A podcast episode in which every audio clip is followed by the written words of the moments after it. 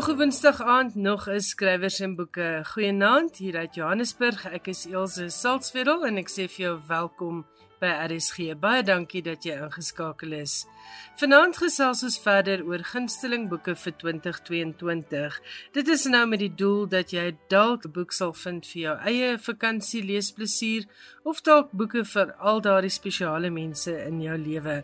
Sari se boekredakteur Phyllis Green het verlede week die baan geopen met 'n geselsie oor haar gunsteling spanningsromans vir 2022. Vanaand gesels sy oor haar gunsteling romans in ander genres. Johan Meiberg brei uit op hierdie tema. Hy gesels oor 10 boeke van die lys van Time Magazine se 100 beste boeke vir 2022. En dan gesels hy ook oor van die gewildste boeke wat die afgelope 125 jaar by die Brooklyn Biblioteek in Amerika uitgeneem is. En dan gesels nog 'n bekende in die boekwêreld met ons oor sy gunsteling boeke vir 2022 en dit is Kerniels Breitenberg. Nou ja, kry die pen en papier gereed want vanaand gaan jy beslis ook lysies maak van boeke wat jy dalk wil aanskaf.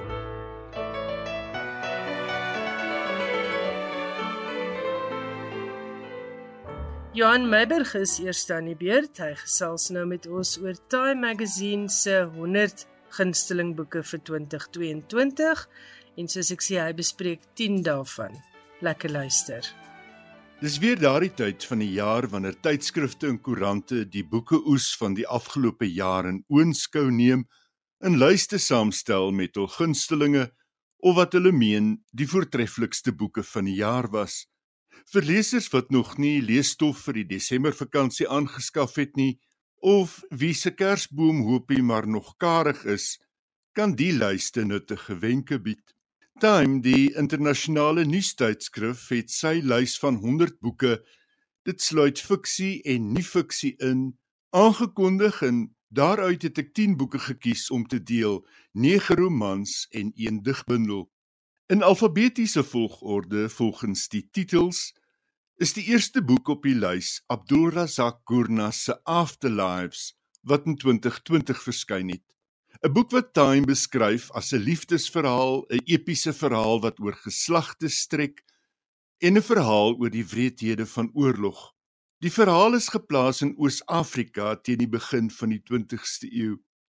Gurnak is die skrywer wat verlede jaar die Nobelprys vir letterkunde ontvang het. Vanjaar se Nobelpryswenner, Annie Arnoux, is ook op Times se lys en wel haar Getting Lost wat in September in vertaalde vorm verskyn het. Getting Lost is 'n memoir van 'n geheime verhouding met 'n jonger man, 'n Russiese diplomaat. Die verhouding het tot twee boeke aanleiding gegee, die een Simple Passion wat meer van 'n roman is en dan Getting Lost wat 'n dagboek memoir as 'n mens dit sou kan noem is. Die verhouding is al een van die groot verhoudings in die letterkunde genoem in dieselfde asem as die van Madame Bovary en Anna Karenina. Ook op die lys is nou Violet Bulawayo se tweede roman Glory, 'n satiriese blik op Jidada, 'n staat wat baie duidelik die grenslyne, topografie en die politieke omstandighede van Zimbabwe weerspieël. Die boek gebruik George Orwell se Animal Farm van 1945 as vertrekpunt. Die karakters is almal diere en soos Animal Farm is dit ontgoocheling van die eerste water wat 'n mens in die roman teekom. Maar daarmee saam is die boek ook vermaaklik en hoegenaamd nie troosteloos nie. Een van die digbundels wat in die lys ingesluit is, is The Hurting Kind van Ada Limon, die digter wat vroeër vanjaar as die FSA se amptelike digter aangewys is. Die bundel word beskryf as 'n vernuftige vergestalting van die bande wat bestaan tussen mense en dinge, tussen ons en die mense voor ons. En dan is daar ook Learning to Talk van die Britse skrywer Hilary Mantel wat onlangs dood is. In 2003 het die bundel kortverhale in Brittanje verskyn losweg autobiografiese verhale waarin sy haar kinderdae versin en nou is dit vir die eerste keer in die FSA uitgegee. 'n Stap wat die uitgewer Macmillan sien as 'n geleentheid om die aspek van Mantel se skryfwerk aan 'n groter leserspubliek bekend te stel. George Saunders, die Amerikaanse skrywer wat Time beskryf as die beste kortverhaalskrywer in Engels, se Liberation Day is ook in die lys ingesluit. 'n Bundel waarin hy aspekte van mag, etiek en geregtigheid verken. Lucy by the Sea is Elizabeth Strout, nog 'n Amerikaanse skrywer se jongste roman, een waarin sy uitdrukking gee aan die vrese en uitdagings van isolasie, maar ook aan hoop, vrede en die moontlikhede wat lang stil dae kan bied. Na Hamnet, die boek oor Shakespeare se seun wat op 11 dood is waarmee Maggie O'Farrell soveel sukses behaal het, is haar jongste roman The Marriage Portrait ook ingesluit in Time se lys. Dis die verhaal van die derde dogter van Cosimo de Medici, geplaas in Florence van die 1560s. Volgens die uitgewer Tinder Press kom O'Farrell vorendag met vernuftige historiese fiksie met 'n hoofkarakter wat in 'n mens se verbeelding bly draal. Kate Atkinson, die skrywer wat vir haarself naam gemaak het met haar debuut Behind the Scenes at the Museum van 1995, se 12de roman Shrines of Gaiety is ook op die lys van Time se 100 boeke van die jaar. In die roman is dit Nellie Coker, bekend as die koningin van Soho in die 1920s, wat omsien na haar string suksesvolle nagklubs en ander belange terwyl sy ook 'n oog moet hou oor haar ses kinders. Die uitgewer Doubleday beskryf die boek as klassieke Atkinson. Na sy boeke sukses met Shruggy Bane in 2020 is die Skots-Amerikaanse skrywer Douglas Stewart se tweede roman Young Mango ook uitgesonder. Dis die verhaal van twee werkersklas jongmans, die een protestant en die ander rooms-katoliek, in die hipermanlike omgewing van Glasgow. Alles dui daarop dat hulle eintlik geswore vyande behoort te wees. Dankie Johan Meiburg. As jy die volledige lys wil bekyk, daardie 100 boeke wat Time Magazine gekies het as die topboeke vir 2022, gaan maak dan net 'n draai by www.time.com. Jy luister na skrywers en boeke, jou belangrikste bron oor Afrikaanse boeke. Ons bly by die tema van gunsteling boeke en Sari se boekredakteur Phyllis Green gesels nou met ons oor haar gunsteling romans vir 2022. Phyllis, weer eens baie welkom by Skrywers en Boeke en dankie dat jy weer tyd gemaak het om 'n bietjie te gesels oor jou gunsteling leesgoed vir die afgelope jaar. Die mikrofoon is joune. Hallo Ilse, baie dankie dat ons weer kan gesels. Ek kan regtig nie glo jare is al weer verby nie. Hierdie jaar was regtig 'n goeie jaar gewees vir lesers want hulle is regtig bederf deur al die skrywers wat sulke wonderlike boeke geskryf het vanjaar. Ek wens eintlik ek kon oor alles wat ek gelees het praat, maar dit is net absoluut onmoontlik. So ek gaan net 'n paar van die hoogtepunte uitlig. Nou die een ding wat ek agtergekom het hoe ouer ek word, hoe meer stel ek in geskiedenis belang, maar ek wil dit in fiksievorm lees. Ek sukkel met hoë feite. Nou vanjaar was daar Marinda van Sail se uitmuntende roman Veldhospitaal 12. Dit het my regtig ontroer. Dit was in party gevalle vir my nogal 'n emosionele lees. Die roman draai om die briewe en dagboeke van die 19-jarige Duitse mediese student Helmut Schumann. Nou Helmut het van 1905 tot 1907 in die Veldhospitaal gewerk vir die Rero en Nama gevangenes en dit was in Luderitsbocht. Nou Marinda vertel nie net Helmut se persoonlike geskiedenis nie, maar sy vertel ook van die haaglike omstandighede waaronder hierdie Rero se Namas in daai kamp was en hoe hulle net glad nie 'n kans gehad het om regtig te oorleef daar nie. Nou dit is 'n ontstellende roman, maar dit is regtig 'n baie goeie roman en ek dink dit skyn ook 'n lig op 'n afgryslike stuk geskiedenis van die ou Duits Wes-Afrika. Nou vir liefhebbers van geskiedenis is daar die fantastiese boek deur Chris Karsten Op pad na Moormansgat.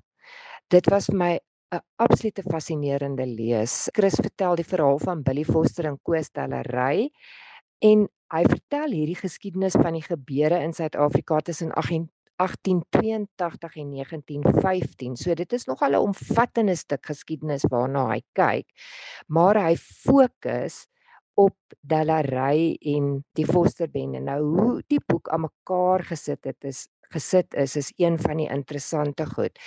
Hy dryf die storie deur basies twee hoofkarakters gebruik.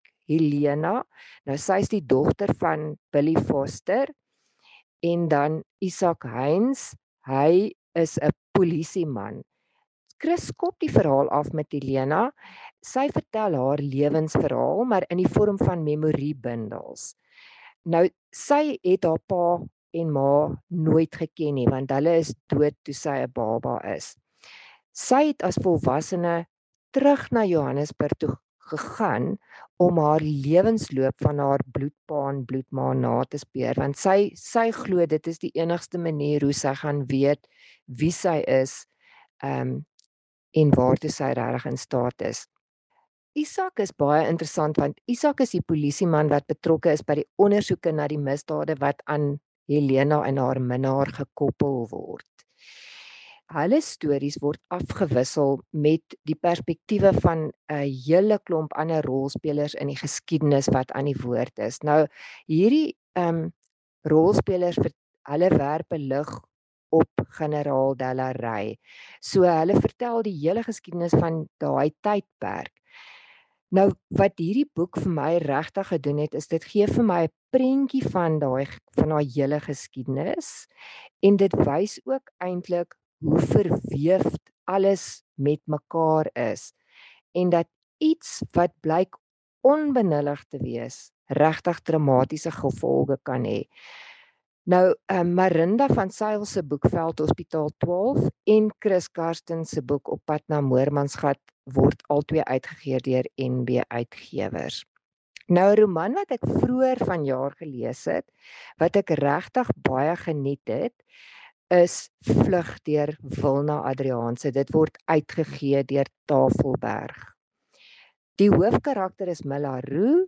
Sy's 'n veearts. Sy land na 'n baie traumatiese gebeurtenis waarby sy en haar gesin in Suid-Afrika betrokke was um, by 'n rehabilitasiesentrum vir sjimpansees in die Demokratiese Republiek van die Kongo. Milla smee bande onwillekeurig met die mense by hierdie sentrum en ook met die sjimpansees. Haar ervaring 5 jaar tevore het gemaak dat sy net doeteenvoudig wou pad gee uit Suid-Afrika. So sy het net gevlug noordwaarts sonder 'n plan want sy wou net eintlik wegkom van haar hartseer vir die eerste keer by die rehabilitasiesentrum is sy net onvoorwaardelik aanvaar en sonder dat sy wou het sy emosioneel betrokke geraak by die diere en by die mense. Die agtergrond waarteen die verhaal afspeel is geweldig interessant want Wilna beskryf die onstuimige politieke klimaat deur die aksievolle gebeure wat gebeur en toe die sentrum in die kruisvuur van regeringstroepe en rebelle organisasies beland slaan Milla toe nou weer op vlug. Hierdie keer is daar 'n dokter saam met haar, Graham Sonders, huis van dokters sonder grense, waar hy was toevallig by die sentrum nadat hulle hulle basis ook weens hierdie onstuimige klimaat, politieke klimaat moes ontruim. Hulle twee vlug dan per voertuig met drie klein sjimpansee wesies en jy kan nie ophou lees nie. Dit is net een van daai jy wil weet wat gaan nou volgende gebeur. Die verhaal raak aan temas soos trauma, vlugtelingskap en oorlewing, maar die groot tema wat soos 'n goue draad deur hierdie hele verhaal loop is die een van menseverhoudings en wil na ondersoek die vele fasette daarvan. Sy kyk hoe elke vriendskap vir Milla uniek is en dat dit vir al haar koneksies met die mense by die rehabilitasiesentrum is wat haar weer 'n doel in haar lewe gegee het. So dit is regtig een van daai boeke wat wat ek voel ehm um, mense moet eintlik meer as een keer lees want elke keer as jy daai boek weer lees kry jy nuwe insigte in die temas en die karakters raak net vir jou ryker en ryker. As jy sopas ingeskakel het, ek is Elsje Saltzwedel. Hierdie is skrywers en boeke op RSG en Phyllis Green, Sari se boekeredakteur gesels verder oor haar gunsteling romans vir die afgelope jaar. Die volgende boek waaroor ek wil gesels is Louis Creer se boek. Ehm um, Die verleiding van Eva de Winter. Louis was 'n finalis in NB Uitgewers se groot Afrikaanse romanwedstryd vir 2020 met hierdie roman. Nou dit is 'n bedrieglike klein roman. Dis net 125 bladsye lank. Die sin waarmee hierdie storie open is, miskien was die belangrikste kenmerk van hul huwelik eerlikheid. Nou dit het my onmiddellik nuuskierig gemaak want ek wou weet is Eva de Winter en Joshua se huwelik regtig so eerlik as wat hierdie sin voorgee. Dan geleidelik ontvou daar nou 'n komplekse kat en muis spel tussen Eva en Joshua en dan van die diepsinnige temas wat Louis aanroer is verkrachting, die invloed van sosiale media aan groot data en die kapitalistiese monopolie in die sakewêreld. Die verhaal word net vanuit Joshua se perspektief vertel Nou hy ontmoet vir Eva nadat hy as 'n deskundige in die hof moes getuig oor die tegniese gegevens van 'n oop mikrofoon en oor big data. Nou hierdie saak het gegaan oor die afluister van gewone burgers. Wie luister vir wie af en waarvoor word hierdie data ingewin en waarvoor word dit gebruik? Nou dit dink ek is een van die belangrikste temas van hierdie verhaal want dit raak eintlik elke enkele mens in die wêreld wat 'n slimfoon besit, eintlik enige slim toestel. Ehm um, so, en dit gaan eintlik oor mag want as jy die da data besit dan kan jy mense beïnvloed en manipuleer en natuurlik ook sakke vol geld daarmee ver, verdien.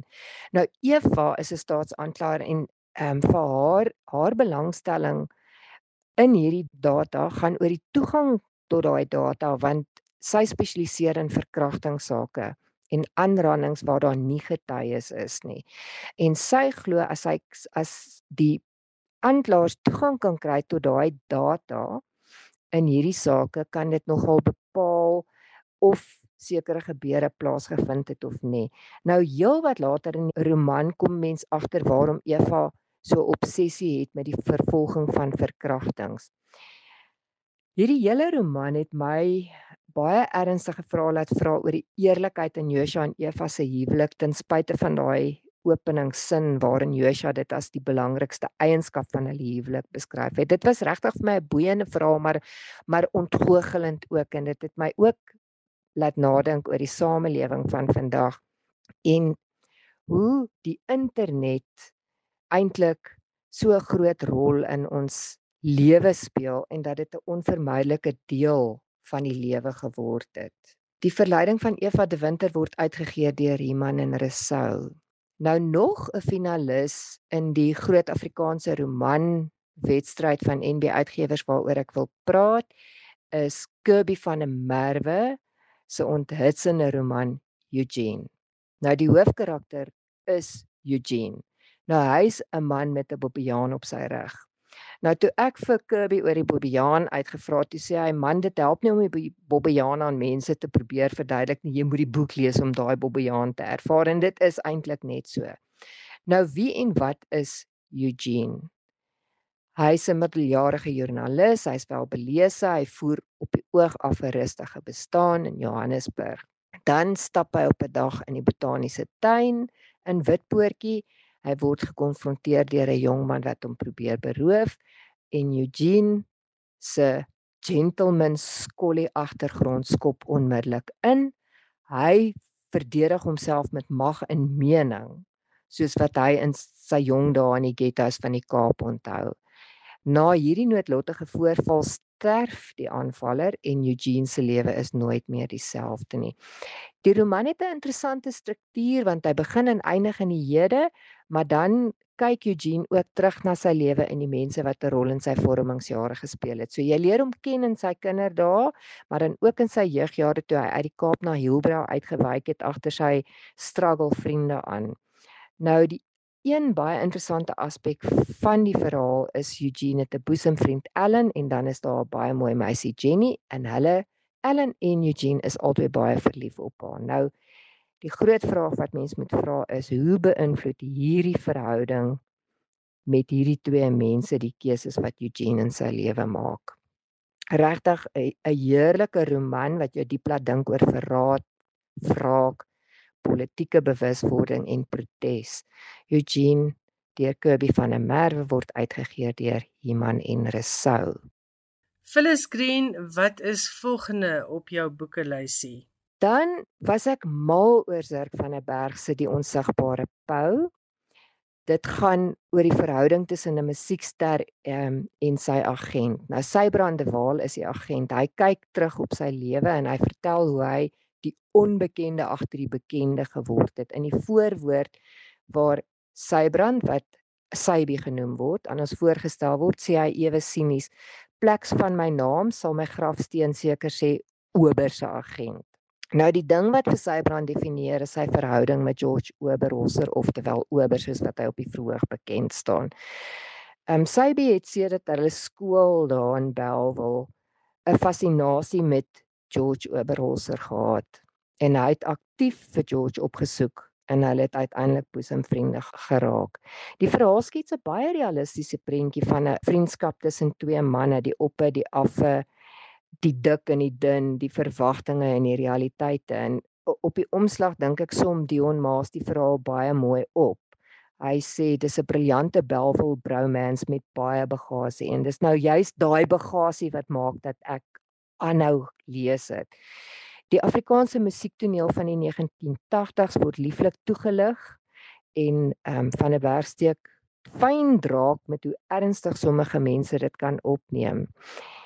Jy moet ook 'n bietjie tussen die lyne lees want hierdie skrywer speel met woorde, woordkeuses, hoe hy sinne skryf en dis regtig net 'n suiwer plesier om sy skryfwerk te ervaar. Hy het my regtig laat lag, laat wonder, hy het my na my asem laat snak met die aksies aksievolle verwikkelinge in die latere lewe van Ober en hy het my ook baie diep laat dink oor bromance en my baie hartseer laat voel oor vriendskappe wat taan en dan uiteindelik uitmekaar val. Die onsigbare pou deur Zirk van 'n Berg word uitgegee deur Kwela en dit is 'n druknaam van NB Uitgewers. 'n Boek wat my verras het, is Die spore van Gert Saggiestrap Marco Botha het dit geskryf. Dit word uitgegee deur Flyleaf Publishers. Nou die verhaal is fiksie gemeng met feite en dit vertel die verhaal van 'n groepie Johansi uit die Omaheke streek in die noordweste van die Namibiese Kalahari. Nou ons leer ken hierdie Boesmans in hulle geskiedenis uit die lewe van Gert Saggiestrap wat die hoofkarakter is.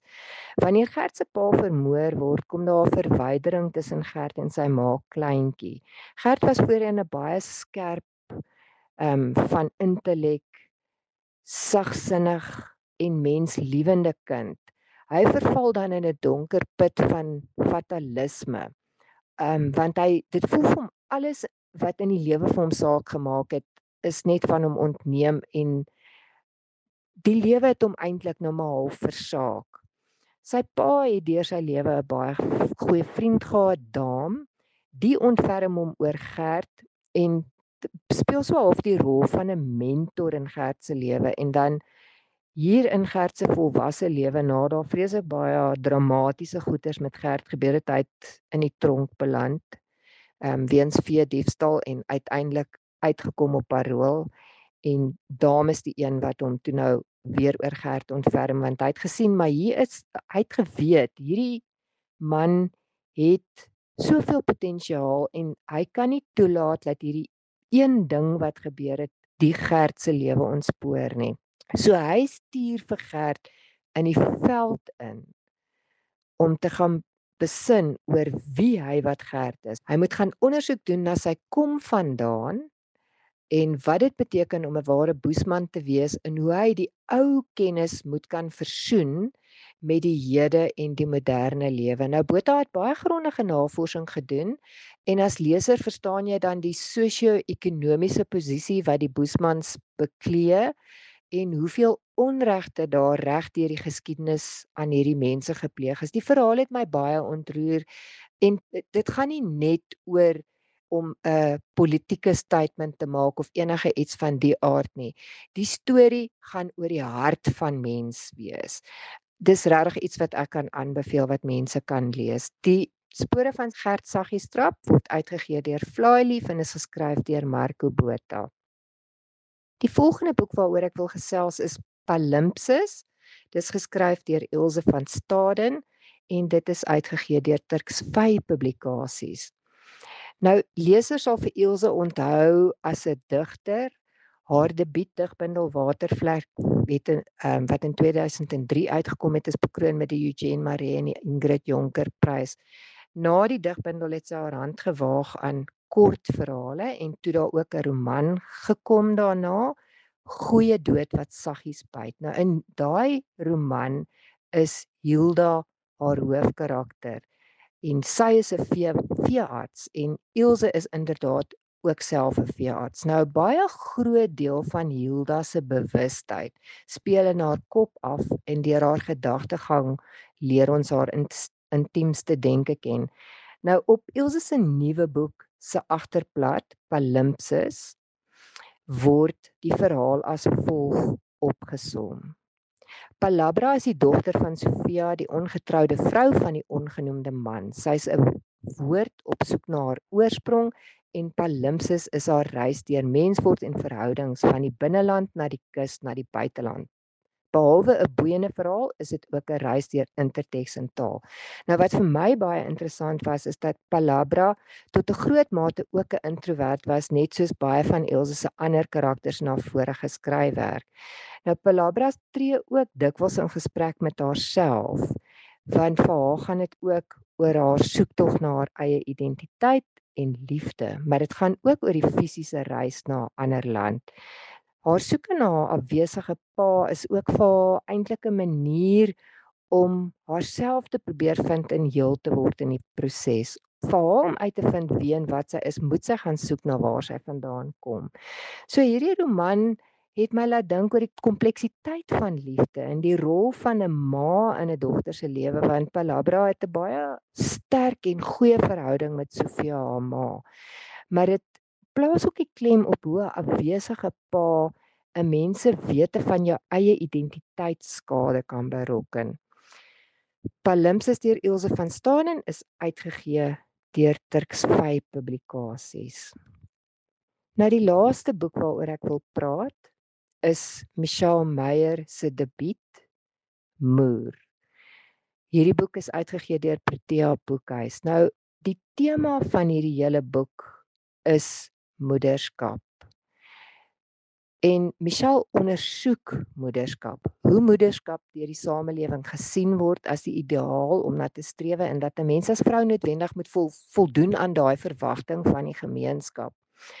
Die hoofkarakter Kylie is 'n ma Maar sy's nie 'n gemaklike ma nie. Sy's baie lief vir haar kinders, maar sy koop glad nie.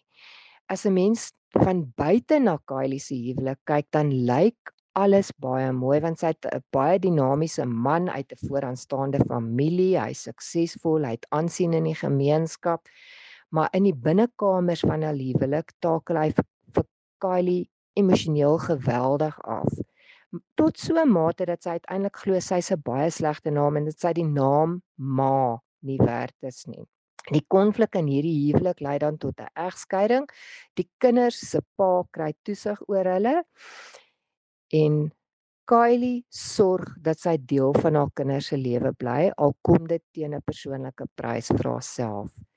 Wanneer haar eks weer trou, vorm Kylie 'n verbintenis met die kinders se stiefma tot so 'n mate dat daar 'n onwaarskynlike vriendskap tussen hulle twee ontwikkel. Nou moeilike huwelike as dit 'n gedeelde ervaring is, het die vermoë om vroue nader aan mekaar te trek en ek dink dit is wat met Kylie en die stiefma gebeur het. Jy leer vir Kylie ken vanuit twee verskillende perspektiewe wat afgewissel word. Daar's volwasse Kylie en dan staan die kind Kylie. Hierdie roman is nie noodwendig altyd maklik en gemaklik om te lees nie want dit dit roer ontstellende temas aan. Dit val um, in die autofiksie kategorie. Ehm um, maar ek dink dit is tog 'n storie waarmee talle vrouens wat onder soortgelyke soortgelyke huwelike gebuk gaan gaan aanklank vind. Ek kon nie anders as om empatie met Kylie te hê nie. So ek dink dit is 'n belangrike boek wat vanjaar verskyn het. Moer word uitgegee deur Protea Boekhuis. Dit was Sari se boekredakteur Phyllis Green met haar lysie aanbevelings as dit kom by goeie Afrikaanse romans wat die afgelope 12 maande verskyn het. Skrywers en boeke. Elke Woensdag aand tussen 8 en 9. Ek is Elsje Siltswedel en jy luister na RSG. Vanaand gesels ons oor boeke vir jou Kersfees inkopieslysie of dit nou vir jouself is of dalk vir 'n familielid of 'n vriend of 'n kollega wat jy weet 'n groot leser is. Corneels Breitenberg, oud uitgewer, bekroonde skrywer en ook boek- en musiekresensent, gesels nou met ons oor sy 5 gunsteling boeke vir 2022. Corneels, baie welkom by Skrywers en Boeke. Wat is eerste op jou lys? Die eerste titel op my lysie van 5 van die boeke wat my in 2020 baie beïndruk het, is Chris Karsten se roman Op pad na Moormansgat. Laat ek om mee te begin net sê dat Op pad na Moormansgat 'n merkwaardige boek is. En dat dit die roman sal word wat Chris Karsten sal lig uit die geleedere van ontspanning fiksie skrywers en hom sal plaas in die geselskap van die werklik groot Afrikaanse uh auteurs oor alle tydperke. Dit is 'n werk met 'n uiters intelligente skrywerlike ambisie, uitgevoer met die finesse van iemand wat nie terugdeins van die moeilike taak wat hy homself opgelê het nie. Karsten werk teen talle literêre konvensies in en bring 'n vernuwing in styl en vorm wat my verras en totaal betower het. As 'n mens hierby voeg die wyse waarop hy die historiese inligting oor die Forsterbende en generaal de la Rey gebruik om hierdie indrukwekkende fabulasie rondom beskikbare kennis tot stand te bring, dan huiwer ek nie om te sê dat die werk meer as net 'n baken in Karsten se oeuvre gaan word nie, maar ook in Afrikaanse prosa. Op pad na Moormansgat is vir my die verrassing van die jaar. Dis 'n knevel van 'n roman en 'n baie groot prestasie. Dit was Corneels Breitenberg se mening oor Chris Karsten se Op pad na Moormansgat. Volgende op jou lys Corneels is 'n nuwe fiksietitel uit Amerika. Tweede op my lys is Andy Borowitz se Profiles in Ignorance. Andy Borowitz is die New Yorker se inwonende satiris en hy skryf oor die grenslose onnooselhede van Amerikaanse presidente. Sy beskrywing van Ronald Reagan alleen is die prys van hierdie boek werd. Borowitz beskryf in kleur en geur hoe die domste presidente aanvanklik moes probeer intelligent lyk, soos Dwight Eisenhower en Richard Nixon. Daarna hoe die presidente hulle die vryheid veroorloof het om dom te lyk en dit soos 'n deug te laat lyk. Dis nou president Ford, die PNC en Bush en natuurlik die groot een Ronald Reagan. Hierdie progressie het die FSA gebring tot by Donald Trump, 'n narcissus en waarskynlik een van die domste presidente ooit. Dit is uiters plesierige leesstof wat Borowitz hier aanbied en ek het my verkneukel daaraan. Daar's talle anekdotes en klein staaltjies. Ehm um, byvoorbeeld oor hoe Ronald Reagan hom verlustig het in sy eie luiheid en uh hoe hy dikwels groot afsprake en dwingende afsprake afgestel het sodat hy kon televisie kyk. En natuurlik ook hoe sy vrou 'n sterrewigelaar moes uh raadpleeg elke keer wanneer hy 'n groot besluit moes neem.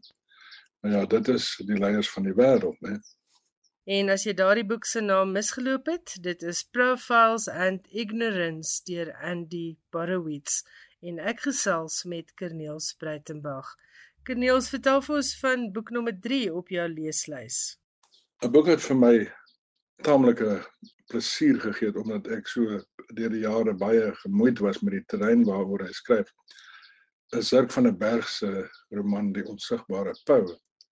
Nou ek moet sê ek is jaloers op hierdie roman.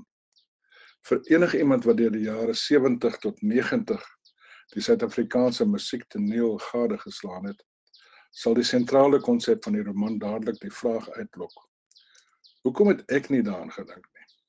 Zak van der Berg het daaraan gedink en het 'n hoogs leesbare meevoerende roman daarvan gemaak oor die manier waarop twee mense verstrengel raak in die plaaslike musiekbedryf. Die een as kunstenaar en die ander ene as handlanger en de facto bestuurder.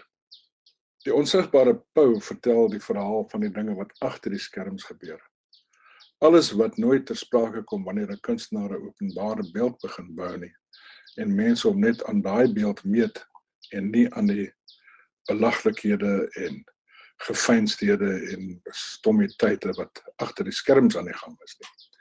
Een van die interessantste dinge van die roman is hoe 'n mens maklik verlei word om daar te dink daaraan as die verhaal van die kunstenaar George Oberholzer of in kort Ober. Vir my is dit Sybe de Waal wat die hooffiguur is en hy is die onsigbare pou waarna verwys word omdat hy eintlik die een is wat die meeste skade ly. Geniet dit, dis my nommer 3 op my lysie. Dankie Corneels. Ek herhaal net weer die titel en dis 'n boek waaroor Phyllis Green ook vroeër vanaand gesels het. Die onsigbare pou is geskryf deur Zirk van der Berg. Corneels se vierde boek is deur Bob Dylan en Johan Meiberg het so week of 3 gelede ook oor hierdie boek gepraat in sy internasionale insetsel. Vertel vir ons meer van The Philosophy of Modern Song. Laat in die jaar het uh, daar skielik 'n boek verskyn deur Bob Dylan, The Philosophy of Modern Song. Nou ek moet ruiterlik erken dat ek al sedert die 60s 'n groot bewonderaar is van Bob Dylan. En dat ek omtrent alles wat hy gesing het en alles wat hy geskryf het, ehm um, opgeslurp het deur die jare van daai betowerende Tarantula boekie tot nou hierdie the philosophy of modern song.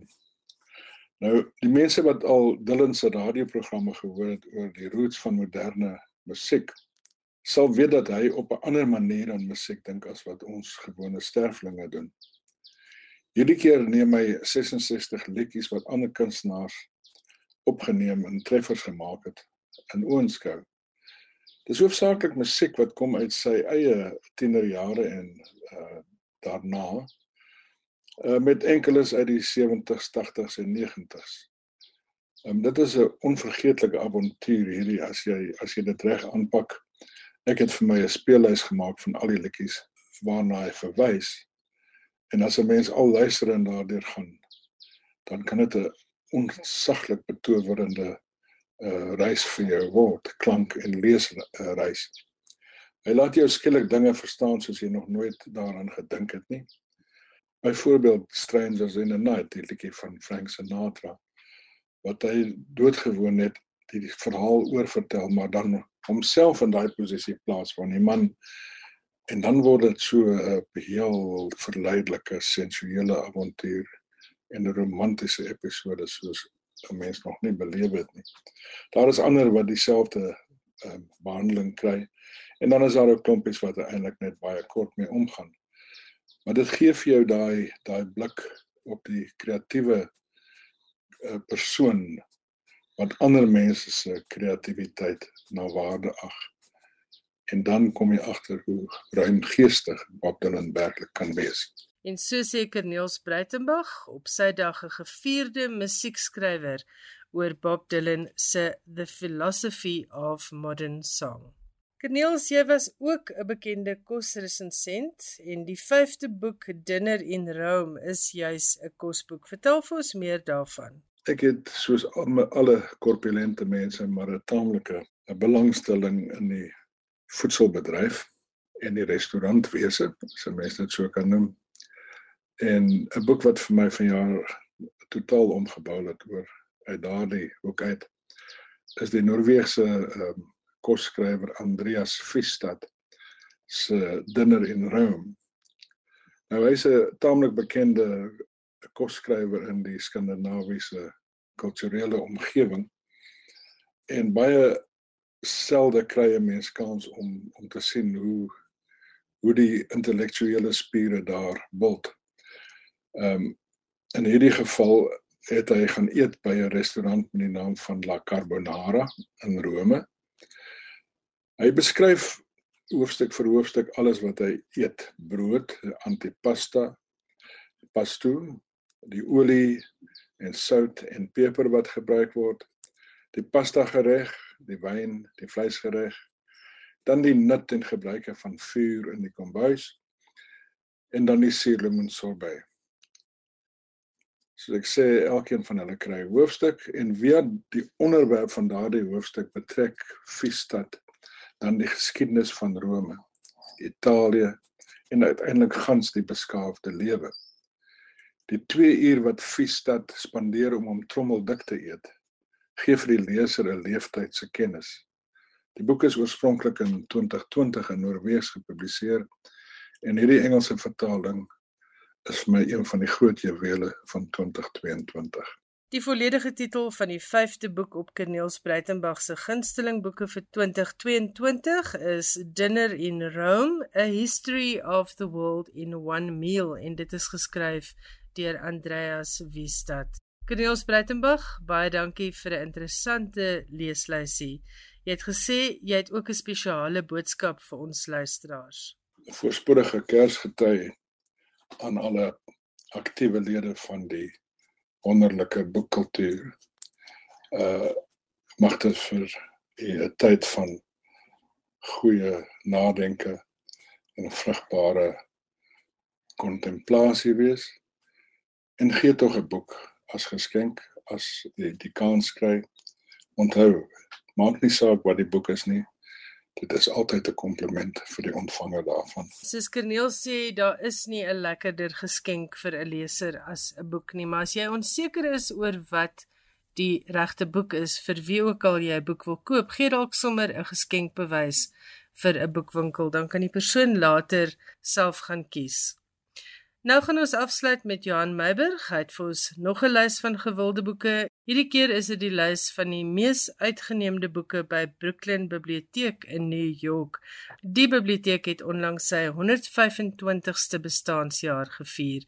Een van die gewildste boeke was 'n kinderboek, Where the Wild Things Are, deur die skrywer Maurice Sendak. En jy kan ook luister na 'n argiefonderhoud wat kort voor Sendak se dood met hom opgeneem is. Brooklyn in New York se openbare biblioteek het pas sy 125ste bestaanjaar gevier en om die geleentheid te gedenk het die biblioteek 'n lys uitgereik van die gewildste boeke die afgelope 125 jaar. Dis nou boeke wat die meeste uitgeneem is. Die lys is deur die personeel saamgestel en faktore wat in ag geneem is, sluit in uitleen en sirkulasiedata, historiese topverkoperlyste en publikasiedatums. Die boek se uitvoerende hoof het gesê die lys is opgestel om die biblioteek insig te gee in gebruikers se leesgewoontes en voorkeure. Die boek wat die meeste uitgeneem is, is Where the Wild Things Are van Maurice Sendak. Sendak, 'n Amerikaanse skrywer en illustreerder, het Where the Wild Things Are in 1963 uitgegee en dit was nie onmiddellik 'n sukses nie. 'n Vooraanstaande sielkundige het destyds gewaarsku dat die boek traumaties vir jong kinders kan wees en dat die vloermoer wat die jong karakter Max gooi heeltemal onvanpas sou wees. Nietemin is meer as 19 miljoen eksemplare van die boek sedertdien verkoop, waarvan 10 miljoen in die FSA. Wat waarskynlik tot die sukses bygedra het, is die feit dat die boek in 1964 bekroon is met die Caldecott medalje wat die boek aangeprys het as die voorste Amerikaanse prenteboek vir kinders.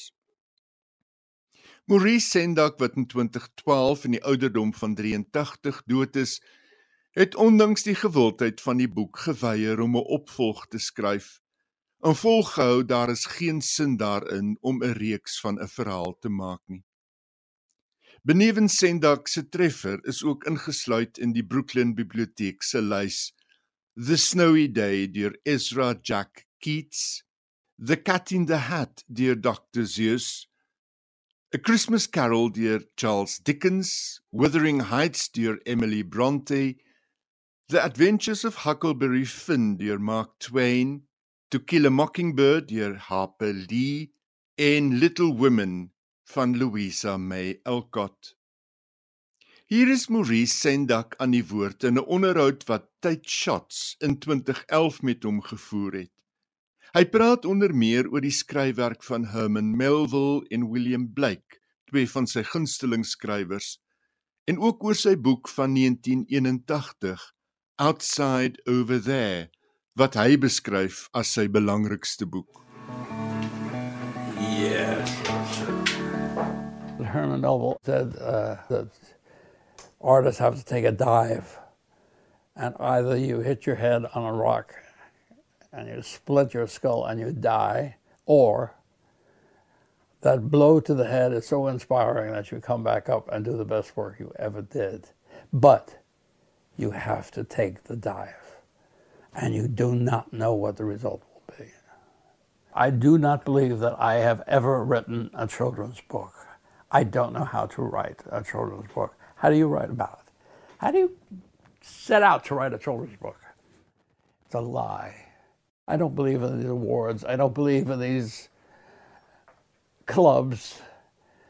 So I'm much luckier than Herman Melville ever was, much luckier than William Blake ever was. But I still suffer from what they suffered from. I'm reading an interesting book now the life of William Blake. I read many of them. That whole row back there is Blake. I, I can't figure out what it is, but I mean, what draws me to him so much because I don't, I don't understand him. I still cannot read through one of his illuminated. I can't. I don't know what the hell he's talking about, but I love him. Like, if I were religious, I would feel that way about whatever. He's an illustrator. I am an illustrator. He illustrates poems, his own poems, mythical dream poems. I guess it's the way he, his profound belief in something sounds kind of idiotic, but I believe him. I believe in his passion.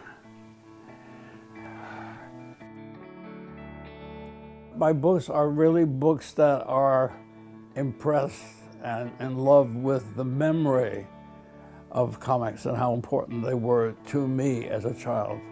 You know, I didn't live across the street from the baptistry. I didn't live near any famous person. I didn't see Michelangelo go to work in the morning.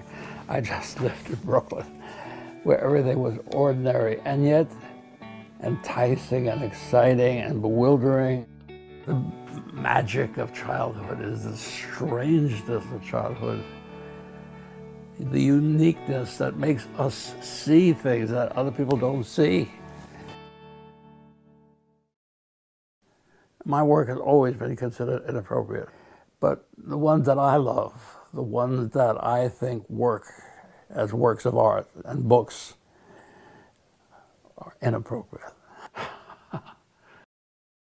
the most important one to me is outside over there. It's my most important work to me. It was after a trip to Europe and Germany. I was illustrating Grimm, and I fell in love with the German romantics passionately. The outside over there is like a bad Runga painting. it also brought on a nervous breakdown of monumental force. It slammed me to the ground. I got that close to the fire.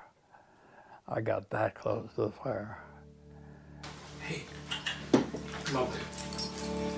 Good boy. Oh, you're such a good boy. We will have to find our way. If I can find a way through picture making, book illustration, or whatever you want to call it, I'd be very, I'd be okay.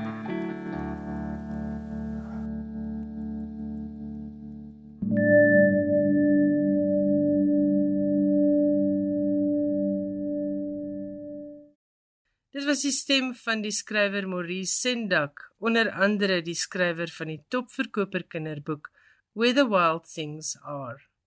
Dis ongelukkig alwaarvoor ons tyd het in finansies skrywers en boeke. Dankie dat jy weer saam met my en Johan Meiber gekuier het. En ons volgende afspraak met jou is volgende Woensdag aand om 8uur. Dan kan jy uitsien na nog aanbevelings van boeke vir jou eie en jou mense se Kerskas. Tot dan, wens ek jou 'n stapel lekker leesgoed toe en natuurlik ook genoeg leestyd. Tot volgende week, mooi loop en pas jouself op. Totsiens.